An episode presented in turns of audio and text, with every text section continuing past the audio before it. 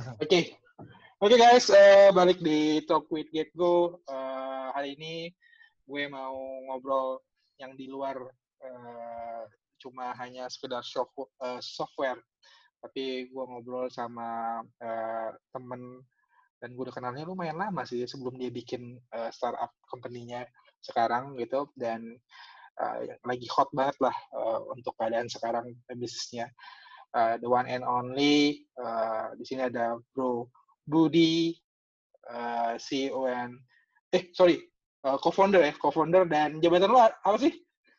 COO. COO, oke. Okay. co-founder dan CEO. First, first, first co-founder lah ya, gitu. co-founder dan CEO dari Shipper. Yoi. Uh, Bro Budi, apa kabar Bro Bud? Baik, baik. Ya, udah baik makan ya. jadi baik, udah makan wow. jadi baik udah makan jadi baik dan dapat kabar baik juga ya. Waduh beritanya udah ke mana-mana ini ya. Tapi kenapa tidak disebut angkanya Bapak Budi? Um, ada beberapa alasan ya. Pertama memang media sudah spekulasi, uh-huh. jadi um, kita um, merasa tidak perlu membantah itu. Oke. Okay. Yang kedua memang um, investor kita itu lagi masa apa ya black card ya Hmm. Mereka mau IPO, um, jadi mereka masa blackout, jadi nggak boleh sebut number sih. I see. Oke, okay, oke, okay, oke. Okay. So, yeah, hopefully this is answer banyak uh, pertanyaan ya. Karena kan sebelum-sebelumnya kan uh, kalian uh, uh, quiet uh, disclose number uh, funding kalian gitu kan. Oke. Okay. Hmm. Nah, uh, Bro Budi ini uh, dulu gue kenal waktu lo masih dikerja ya, Bro Bud? Iya. uh, gue gue applause banget lah sama Bro Bud ini dari awal dia apa bikin shipper gitu uh, udah kayak sekarang itu lo nyangka nggak sih Bro Bud shipper bakal kayak gini sekarang? Um, 70 30. 70 itu nyangka, 30 enggak? 70 persen nyangka, okay. 30 persen tidak. Oke, okay, ya. oke. Okay. Hmm. Kenapa yang bikin lo ada nggak nyangkanya itu kenapa? Um, karena kita live in the world of uncertainties ya. Hmm. Uh, the lot of external factors yang bisa mengakibatkan itu yang tidak nyangka itu. Ya, maksudnya yeah. yang yang ya, yeah, I mean uh, in a way uh, we are certain to a certain extent, tapi kita nggak bisa discount all these uh, external factors. Jadi mau nggak mau kita masih masukin itu ke dalam uh, estimasi kita atau ekspektasi kita. Hmm, hmm, hmm. Lo ternyata gila ya, bener juga ya. Apalagi kayak COVID ini ya, salah satu part of dari 30% tadi ya. Iya, benar. I see. Yeah. Tadi ya. Bro, so before we going forward, so please uh, tell us what shipper is. Karena ya yang gue tahu ya, aku reckon me if I'm wrong, shipper is like uh, aggregator logistik. That's it. Hmm. Jadi shipper itu sebenarnya adalah suatu platform logistik ya. Logistik itu besar, uh, bukan cuman yang kita tahu itu kalau all shop sekarang kan um, trennya e-commerce kan tahunya ya kirim barang paket e-commerce aja. Yeah. Tapi sebenarnya ya yeah, there's a lot behind that. Obviously hmm. uh, kita the first solution yang kita ada adalah emang agregasi logistik membantu para pihak online seller itu bisa apa ya mengirimkan paket dan track semua paket di satu platform. Karena kalau enggak okay. uh, sekarang itu kan is everywhere. Kalau kita hmm. jualan di Tokopedia di Shopee kan uh, banyak kan sekarang e-commerce itu kalau udah kirim nomor resi mereka kirim baliknya lewat Excel aja. Uh, ya. yeah. Uh, jadi jadi so that's that's the main purpose. Um, I mean the first service ya yang kita ada. Obviously itu kalau cuma sekedar itu kan berarti kita nggak ada bedanya, maksudnya nggak begitu spesial lah. Jadi makanya hmm. kita juga menyediakan jasa pickup service. Uh, pickup dalam artian um, kita pickup barang yang sudah jadi dari berbagai logistik yang ada. Kenapa itu penting?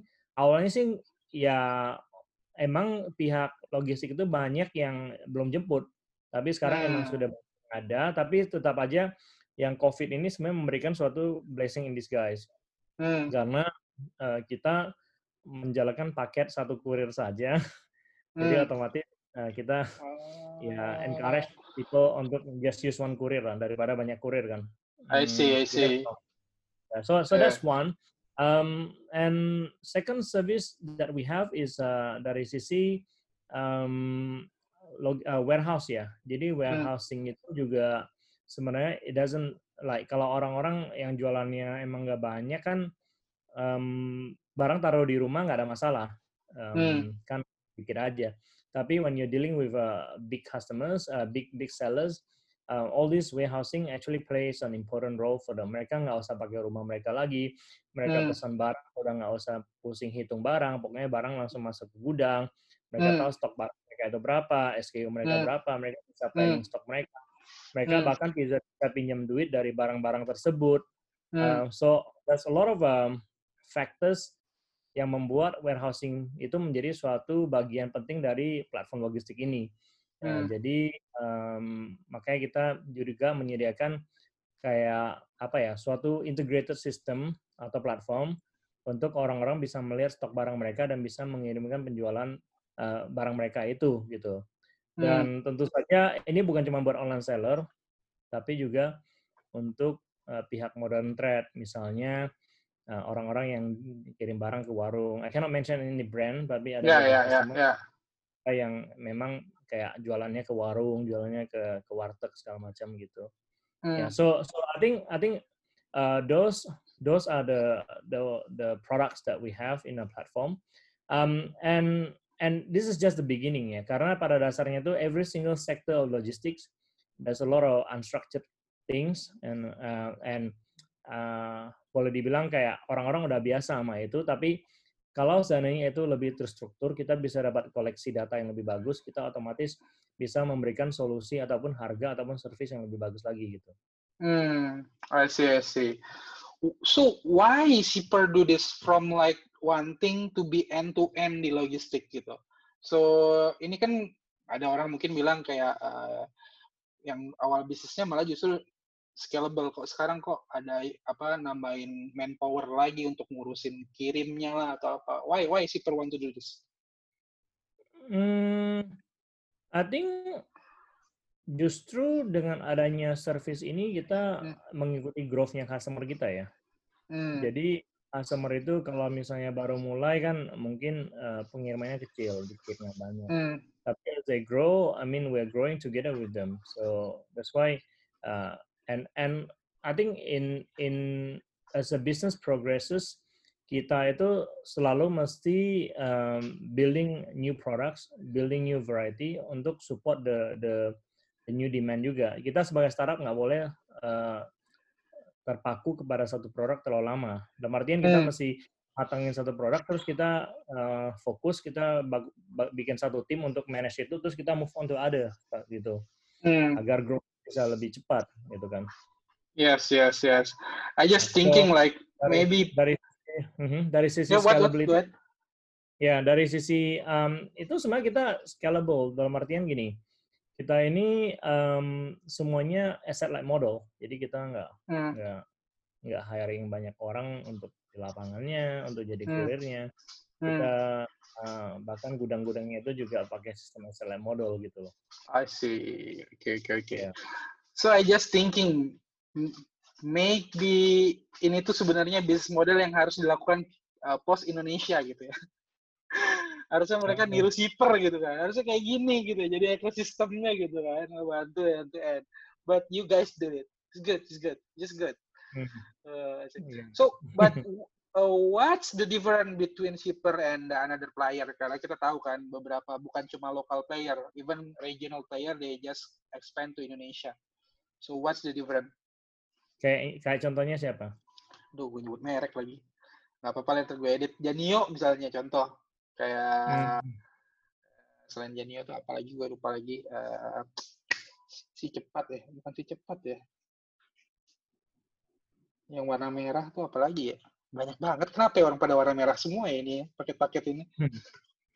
Ya kan cepat ya. Um, I think I think uh, we are we are all in different segment ya. hmm, Jadi kalau kayak Janio itu mereka kan cross border ya. Mereka Hmm. benar fokus cross border, jadi mereka bantu orang-orang uh, beli barang dari luar negeri, hmm, terus uh, kirim balik ke Indonesia, terus habis itu bantu fulfillment. But their specialty their specialty is not in the fulfillment. Their specialty is Hmm. not in delivery. their specialty Hmm. isn't cross border. It's just a value added service for the customer. Hmm. Jadi there wouldn't be there wouldn't be um, going to a domestic customer Hmm. dan dapat order dari sana gitu loh. Hmm. Karena itu bukan produk mereka. Hmm. Um, yeah. Um, I think I think I think emang I mean at the at the end of the day everybody does different thing but when we grow we'll cross path kan no matter what.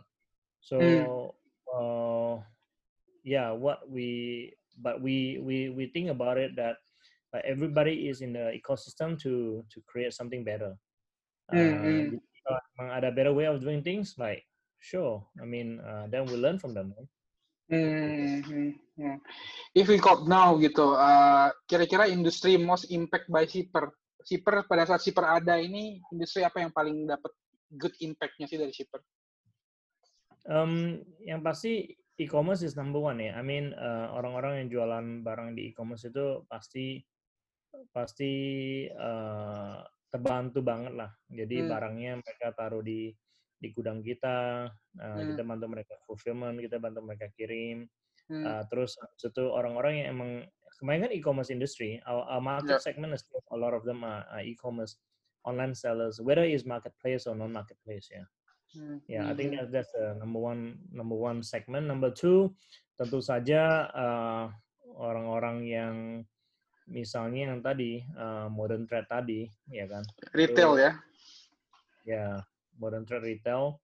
Uh, B2B sih, B2B. Hmm. Terus yang ketiga adalah yang retail, yang yang mode yang yang fresh food gitu, fresh food delivery. Kita juga bantu. Hmm, I see, I see.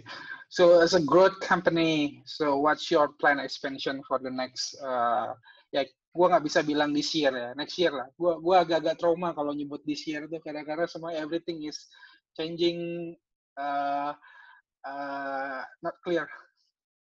Udah setengah tahun ya. Iya, kerasa setengah tahun kayak lu sia-sia gitu ya. Kayak- damn. so, gue hilang satu quarter damn gitu. So yeah. Ya. So what your plan expansion uh, by shipper for next year? Obviously, we will will will focus a lot uh, still on our core products, the two core products yaitu yang delivery dan yang fulfillment, yang warehousing ya. Jadi uh, kita emang sudah ekspansi gudang di kota-kota, bahkan bahkan uh, in the secondary cities kayak uh, kayak Pasuruan, uh, Banjarmasin, Hmm, ya hmm. gitu. Ya, terus habis itu dari delivery kita maunya um, ya uh, ideally we can we can tap into bigger uh, more cities saja gitu. So I think that's the most important expansion plan. We want to double down in Indonesia. Kita Hmm. nggak bakalan ke luar negeri dulu karena Oke. um, ya ini uh, apa ya perangnya kan makin sangar ya. Makin sangar saudara. Yeah. Bakar duitnya. Yeah, so we really have to uh, strengthen our position in the in the in the in Indonesia. Hmm. Uh, but uh, eh, lo tahu kan, lo pernah juga kerja di startup juga sebagai uh, strategi gitu dan lo bikin startup juga dari awal sampai sekarang gitu. So sebenarnya kalau untuk sekarang nih dari sisi uh, shipper sendiri, what your most uh, north star metric for shipper yang mm, bilang bahwa oh, we we we, we success, uh, we achieve our milestone. Kalau North Star Matrix kita itu sekarang adalah jumlah paket aja sih. Oke, Ya. Ya. jumlah paket. jumlah Jadi paket. Ya, but we I cannot tell you how many. Okay, okay. Come on, man. Kasih tahu lah. Ya. Dalam satu hari shipper bisa dapat uh, handle total paket how much? Huh? Nggak, nggak bisa, nggak bisa. Nggak boleh. Ya. so I I'm think it's. Uh, I think it's a general question lah. I'm not asking like uh, how much money you guys have in Yeah. one day. Nah, kita ada number lah dari, dari sisi kayak jumlah paketnya. I mean, um, we we want to get to the level where uh, more corporate customers itu they are comfortable with us. Jadi mereka Hmm. tahu bahwa kita actually can perform gitu. I see. Ya kan? Yeah. So I think I think that's the goal. Um, yeah, let's let's put it. Uh, in the range of uh, six digit numbers saja. Whoa, it's crazy, crazy, crazy. Yeah, yeah, yeah. It's, number cannot lie, right? So that's why everyone like uh, look you are like hot people. Oke, okay, nah kalau untuk dari sisi product roadmap sendiri, uh, you can share, but but I, I see in your website you guys have a two core product like API and dashboard for the SME, right? So is hmm. there any uh, next plan for the product?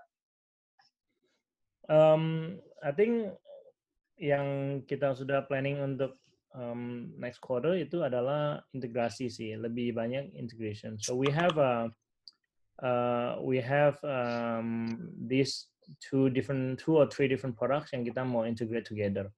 Jadi hmm. dari sisi customer itu mereka pada dasarnya they only need to log into one platform and can see everything. I hmm. think that's the that's the main goal for the next quarter. Dan setelah itu, then we will uh, work on a consumer app uh, when possible. Uh, jadi paling enggak dari mobile app itu bisa kelihatan semua um, semua barang mereka di gudang segala macam instead of going to the web gitu. Hmm, uh, hmm. Yeah. Do you guys want to be Amazon for logistic, huh? Hmm. I think we we we we never have uh, we we never we are not gimana ya it's always not something that we aim to be something else kayak kita nggak pernah bilang kita mau jadi Amazon fulfillment hmm. kita mau jadi apa we just want to be shipper right so mm. we just want to be the best we just want to be the best in the country mm. and uh, and yeah and and people will will look at us as hey i want to be shipper mm-hmm. but but who's your biggest competitor right now mm, they're doing different parts of logistic in in different segment jadi yang benar-benar kayak kita itu kayaknya masih belum kelihatan. Hmm. Saya nggak bilang belum ada ya, belum kelihatan. Hmm. Hmm. Hmm. Hmm. hmm. Ya. Yeah. I see, I see. So as, as, as great company, what what your biggest challenge uh, untuk sekarang? Is this about the operation or is about the human resource? Is about uh, I, don't think so. Fundraising is your biggest problem. I don't think so. Uh, you guys have a good uh, partner to uh, like. I just want to know like what your biggest challenge right now. I think uh, hiring good people is difficult for sure. um, I think uh, bukan cuma good people ya, tapi orang yang bisa cocok sama culture-nya company. I hmm. think that's not easy. Um, uh, we we are we are we are very um? We are fast um, and we do things very quickly and we do not rest. Um, every single person in the management actually works seven days a week um, almost. um, yeah, and we get on a we get on a call every every like every day kita ada aja ide yang kita ngomongin so and we we execute things fast. So it's not easy to find people that can suit that uh, culture for sure. But we need that. Otherwise uh, we'll be left behind. So i think that's number one. Um, number two also uh, dari sisi um, operations ya memang pasti ada masalah uh, karena when we scale up too much um, it's gonna break down somewhere. Yeah, of course. Yeah. So it's a matter of uh, how we we do better planning uh, for the uh, for the apa ya for the scale ya. So I think we are we have identified kind of the right person to to help us uh, scale better. So I think that problem should be uh, should be resolved soon sih. Ya, yeah. cuman emang masalahnya paling besar itu di masalah orang sih, cari orang yang tepat, cari orang yang cocok dan ya sekarang sih dulu ada masalah cari orang yang mau kerja di shipper. Yeah. sekarang orang banyak mau kerja tapi bingung. Aduh, lo cocok apa nggak sama gue gitu kebalik ya sekarang problemnya yeah i think i think that's uh, that's one of the proudest moment for me lah that people actually started to look up at shipper and actually started to respect shipper and want to work here and uh, yeah I, I feel very blessed for that. Yeah. So what's your strategy? So as you as you said uh, like uh, the most apa uh, uh, friction problem from hypergrowth companies acquire good people to join you on board gitu what's your strategy? Mm, we do a lot of uh, poaching. no, uh, I mean, um, we, we do many talks, yeah, many talks. I mean, I mean, I mean, uh, let's delete that part. um, no, but uh, we we do we do a lot of uh, company branding. I think um, company branding and and we do have uh, we do seek uh, kayak um, kita emang quite aggressive in in recruitment and what we are trying to sell is all the positive quality that we have all the growth that we have and and and selling your dreams. Like hey mm. um like this is where we want to be um and if you uh you got what it takes then join us gitu so i think it's is establishing ourselves as as a reputable company actually help us a lot. Gitu karena kalau dulu itu kalau dulu itu ya uh, nawarin isop juga belum tentu diterima ya ya ya tapi sekarang kan I mean we we people look at us as a as a reputable company so hmm. it's it's a it's getting easier for now dan itu hmm. number one number two I think uh, with the COVID period actually there's a lot of oh, retrenchment yeah. so actually it's quite helpful for us Mm-hmm. Kita we managed to get some good people. I mean, yeah. blessing in disguise. blessing in disguise. so I heard, I heard, I heard the story like uh, under the radar from uh, from Shipra. So you guys uh, uh, doing M and A a lot. Uh, so that's also part of your strategy for the acquire talent or acquire market. Which one? Um, ya kita ada ada ada work on some deals. Um, mm we we're not we never disclose any of the deals um, mm. uh, so I, I i don't think it's fair for me to mention it here but uh, if there's any news in the media then I'll, I will i will definitely let you know first yeah, yeah we're, we're not able to disclose any of those um, so sorry, but, yeah, emang kayaknya agak rahasia atau apa tapi uh, emang rahasia gitu. Maybe we can talk off the record ya for that. Yeah. Off the record boleh. so uh, like I don't know, is uh, you, you can you can you can uh, tell this a joke or maybe this is part of my effort gitu. How to get uh, uh, sexist uh, biar bisa diakuisisi sama shipper? Mm, it has to support our ecosystem. Hmm. Yeah, yeah you, you, you, you, you can share more here. Like, uh, so what's your uh, want to uh, what you guys looking for, like from the talent, from the business support or whatever gitu. So maybe ada yang denger podcast ini, they interest uh, reaching you or what? Hmm. I think at the end of the day, at the end of the day, we we want to be the best platform ever. Uh, mm. We hmm. want to do every single piece uh, of uh, say of the first mile delivery. Uh, we want to do every single piece of the warehousing well. So hmm. dari first mile delivery itself itu kita ada misalnya uh, ada driver app, terus misalnya hmm. kita ada uh, mitra-mitra uh, yang bisa pick up. Kita ada hmm. misalnya um, uh, apa ada ability untuk pick up dengan harga yang minimal atau hmm. misalnya kita ada uh, mungkin software yang bisa uh, kumpulin data untuk kita. So all this supporting the ecosystem is something that uh, we look into. Dari sisi warehousing mungkin adalah company yang uh, bisa bantu kita doing uh, network warehousing.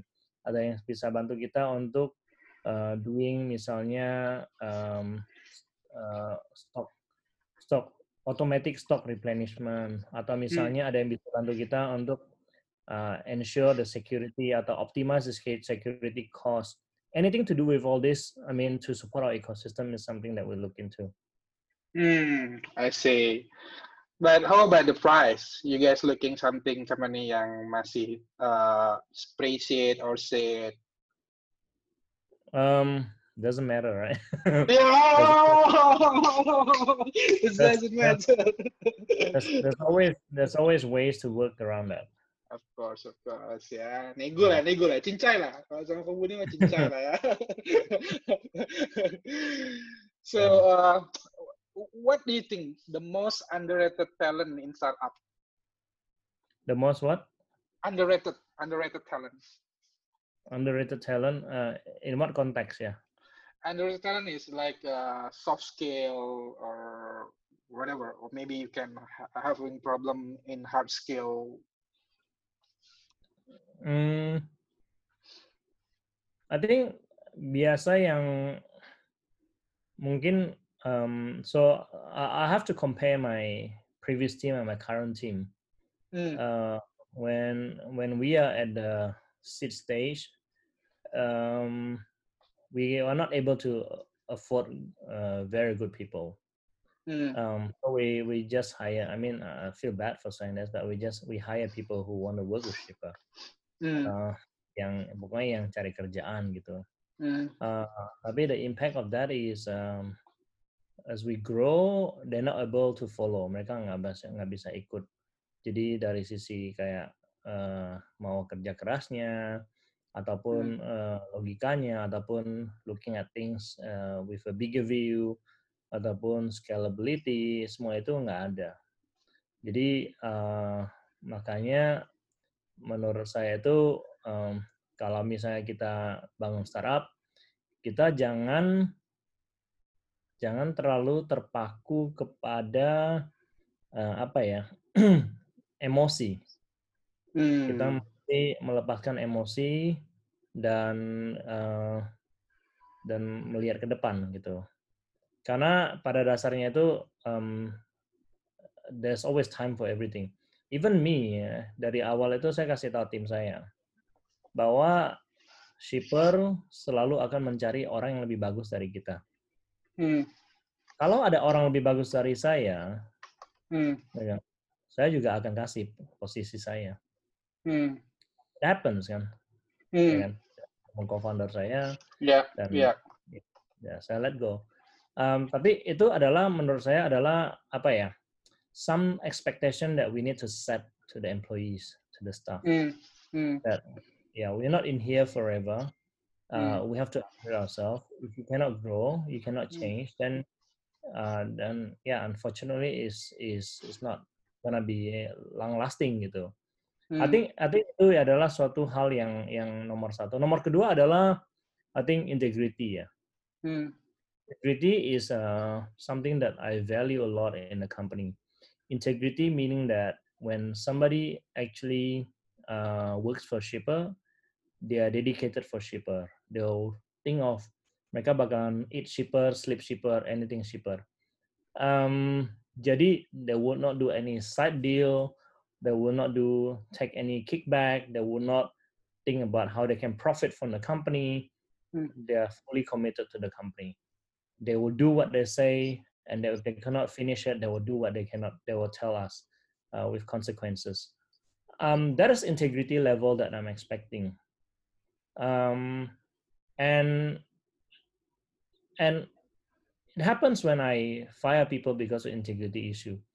So so I think that is um, something that people really have to understand that is the most high valued uh, character or, or or apa ya bukan character ya tapi high valued uh, value in a person Hmm. ya kalau misalnya kamu nggak bisa masa kurang pintar atau apa kalau in- integritasnya nggak ada percuma Ya. Hmm. Ya. Ma- kalau integritasnya ada masih bisa di, di consider they can still learn they can still uh, they can still upgrade themselves tapi kalau misalnya emang integritasnya udah nggak ada udah no matter how good you are it's bad Hmm. Yeah.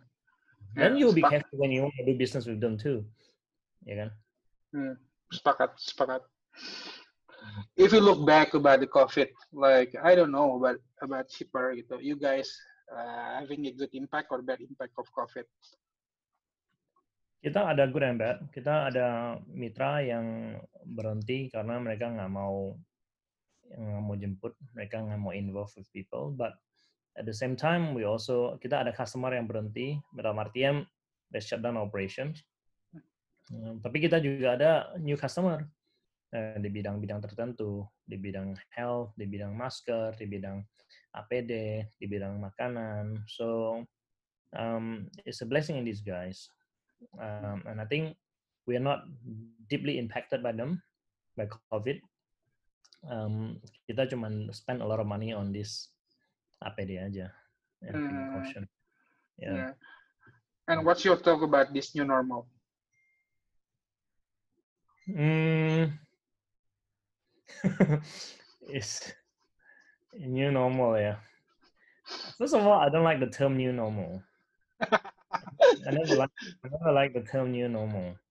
Oh, Like it is pertama di Indonesia itu menurut saya agak force the new normal. Like hmm. like we don't even have a, a, a clear understanding of what COVID does and how it will Mm. stop and and how this uh, will impact us. Tapi um, masih di go ahead. So fine, tapi again, uh, like normal is normal, right? So um, we we have been using masks for the past few months. We have been it's all just normal. Hmm. Uh, There's no such thing as new normal whatsoever. Hmm. So ya nggak tahu ya, aku nggak pernah suka the terms new normal. I just think that it's uh, like what apa like like that, that's the most common thing in Indonesia. They like to brand things. Apa-apa mau everything, dinamakan. everything. they don't want to using lockdown. They using PSBB. Ya, kenapa kenapa mesti di name something gitu? Like nobody nobody really use the terms new normal. Um, like yeah, I mean it's just open up and that's it gitu loh. Hmm, hmm, Uh, hmm. kami ya ya udah I mean uh, tapi personally I still I'm still very wary I still think that there's a lot of uh, new cases will pop up um, I think the only help that we can get is if we reach immunity aja Achievement effect. That's so sarcasm.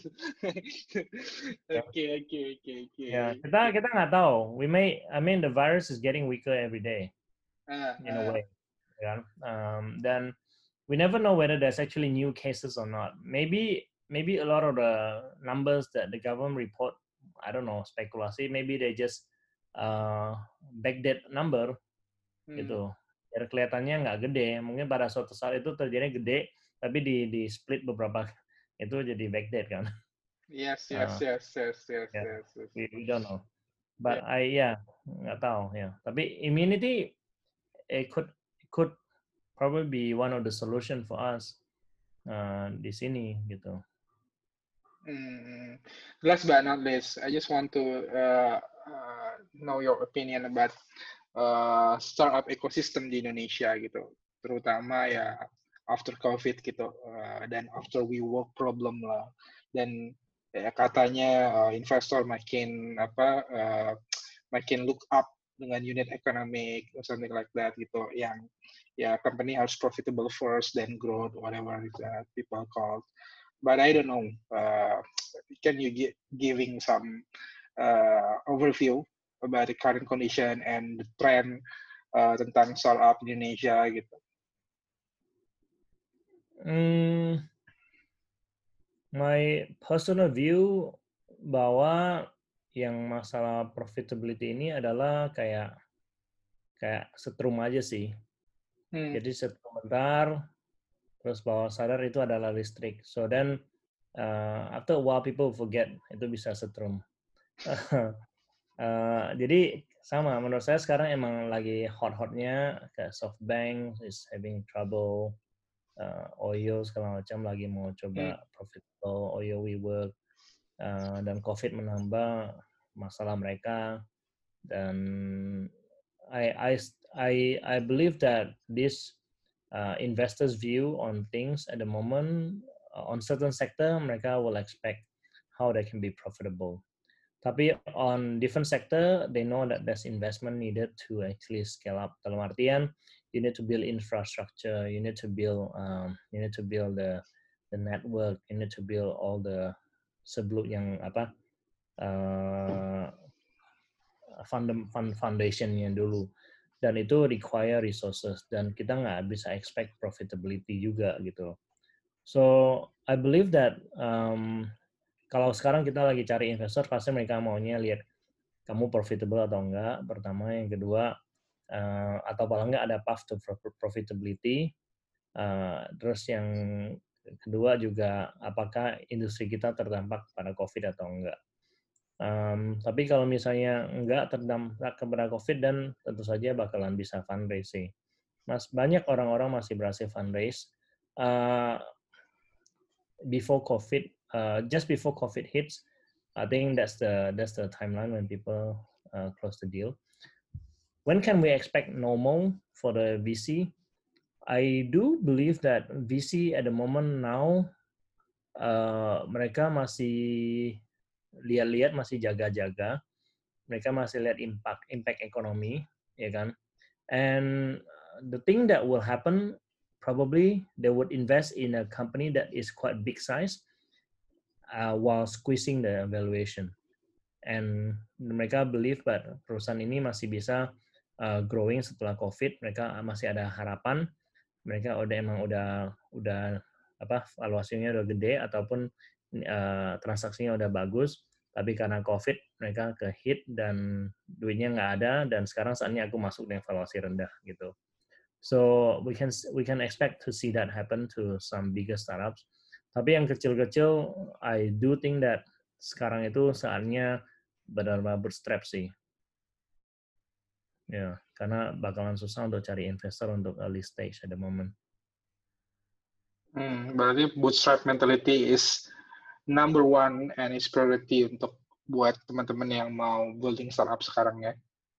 Ya, masih bootstrap, masih bisa uh, sustainable, mau nggak mau jadi nggak boleh emang dari dulu bangun startup emang nggak bakar bakar duit kan sebenarnya hmm. ya ya cuma, cuma uh, ya cuma sekarang dulu mungkin investor masih bisa tertarik untuk itu hmm. um, untuk startup yang bootstrap dan hmm. masih profitable tapi um, sekarang itu mungkin jadi agak susah ya hmm. mereka nggak yakin sama kondisi uh, market karena hmm. ini bukan masalah kondisi startup kita tapi masalah hmm. kondisi negara, betul, betul.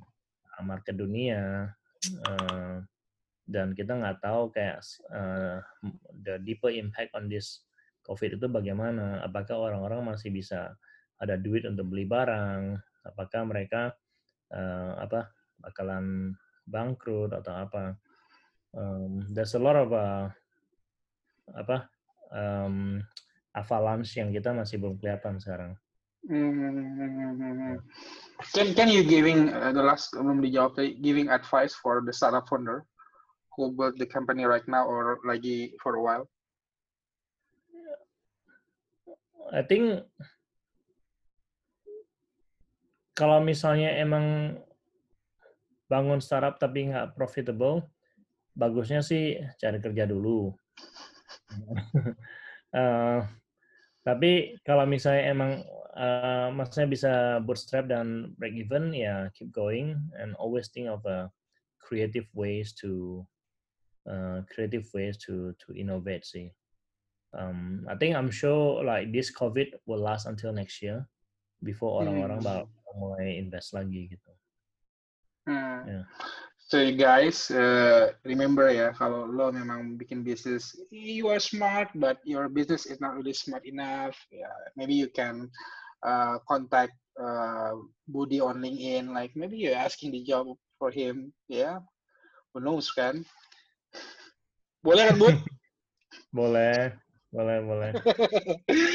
Oke okay, Bro Bud, thank you for the time, thank you for having me. Semoga yang denger ini banyak dapat manfaatnya dan lebih tahu lagi soal shipper. Ya, tadi shipper is beyond the uh, only the aggregator for logistic, but they, they want to handle end to end from the logistic. it's very quite fundamental for our economic, especially for in digital economy. So dan visit, uh, pantengin, subscribe dan uh, semoga for the next uh, speaker uh, gue bisa undang lagi yang uh, banyak speaker seru lagi yang bisa ngasih manfaat lebih lagi buat uh, kalian semua. Thank you.